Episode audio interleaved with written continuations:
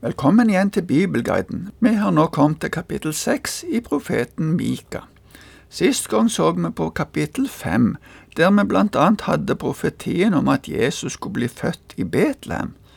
Her, i starten av kapittel seks, begynner den tredje og siste delen, eller talen ifra Mika. Den begynner som de andre med ordet hør. Den første delen av dette kapitlet er en anklage imot Israel, og den siste delen handler om dom. Vi skal dele kapitlet opp enda litt mer, og begynne med å lese de første tre versene. Hør hva Herren sier.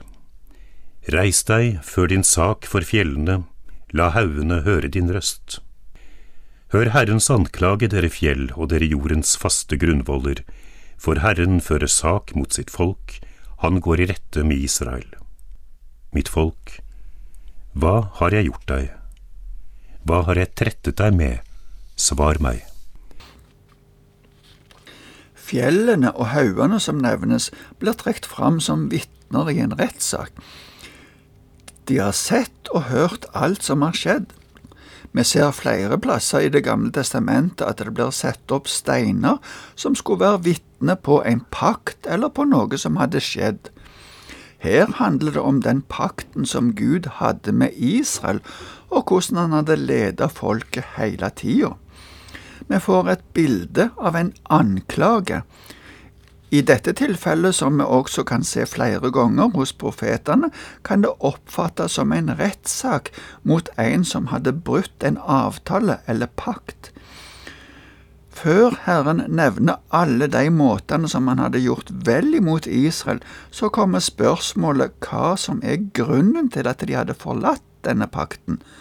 Hadde Gud gjort noe vondt imot dem, eller hadde han krangla med dem på en eller annen måte?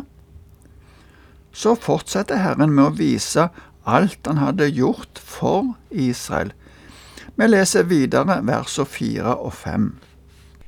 For jeg førte deg opp fra Egypt og fridde deg ut fra slavehuset. Jeg sendte Moses, Aron og Miriam i spissen for deg, mitt folk. Husk planene kong Balak av Moab hadde, og svaret han fikk av Biliam, Beors sønn, på veien fra Shittim til Gilgal, så du kan skjønne Herrens frelsesgjerninger. Det første som blir nevnt, var at Herren hadde fridd Israel ut ifra slaveriet i Egypt, Moses ble sendt av Gud for å dømme farao og lede folket fra Egypt. Aron ble innsett som prest. Han skulle være en mellommann mellom folket og Gud. På vegne av folket så skulle han komme med offer og bønn om tilgivelse, og på vegne av Gud velsigna han folket.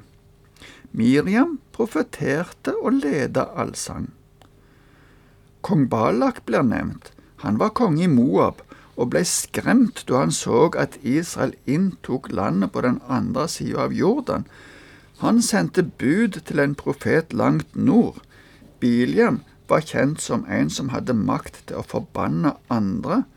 Men forbannelsen Biliam prøvde å komme med for å tilfredsstille Balak, ble gjort om til velsignelse. Det gjorde at Balak ble sint på Biliam.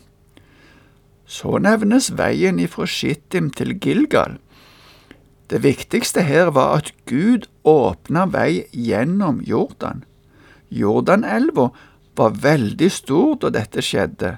Det står at den gikk over sine bredder. Men Gud gjorde at vannet mot naturen rant tilbake oppover i elva, slik at Israel kunne gå tørrskodd over. Ved Gilgal fornya Israel pakten med Gud. Alt dette hadde Herren gjort mot Israel for at de skulle forstå Herrens frelsergjerninger. Så kan vi spørre oss sjøl om vi forstår Herrens frelse etter alt det som vi sjøl har opplevd, og etter det vi leser i Bibelen. Det var anklagen mot Israel. I fortsettelsen ser det ut som at Israel ikke helt forstår hvordan de skal tilfredsstille Gud, men så kommer det en konklusjon ifra Mika om hva som er det som skal til. Vi skal lese ifra vers 6 til vers 8. Hva skal jeg komme fram for Herren med når jeg bøyer meg for Gud i det høye? Skal jeg komme til ham med brennoffer, med årsgamle kalver? Bryr Herren seg om tusenvis av værer, titusenvis av oljebekker? Skal jeg ofre min førstefødte for mitt lovbrudd, min livsfrukt for min sjels synd? Han har kunngjort for deg, menneske, hva godt er. Og hva krever Herren av deg? Bare at du gjør rett, viser trofast kjærlighet og vandrer ydmykt med din Gud. Det som sies her, er nesten som en anklage mot Gud, med spørsmål om han ikke er fornøyd med den gudsdyrkelsen som de holder på med. Vi har tidligere omtalt gudsdyrkelsen som tom, og at de holder på med ritualer uten å legge hjertet i det som skjer. Først nevnes brennoffer og årsgamle kalver, som jo var det Moseloven sa de skulle komme med. Etterpå trekkes det fram værer, men det forsterkes med ordet tusenvis, nærmest for å gi inntrykk av at dette var urimelig, og enda mer når det nevnes titusenvis av oljebekker. Kan Gud egentlig kreve noe som helst av oss?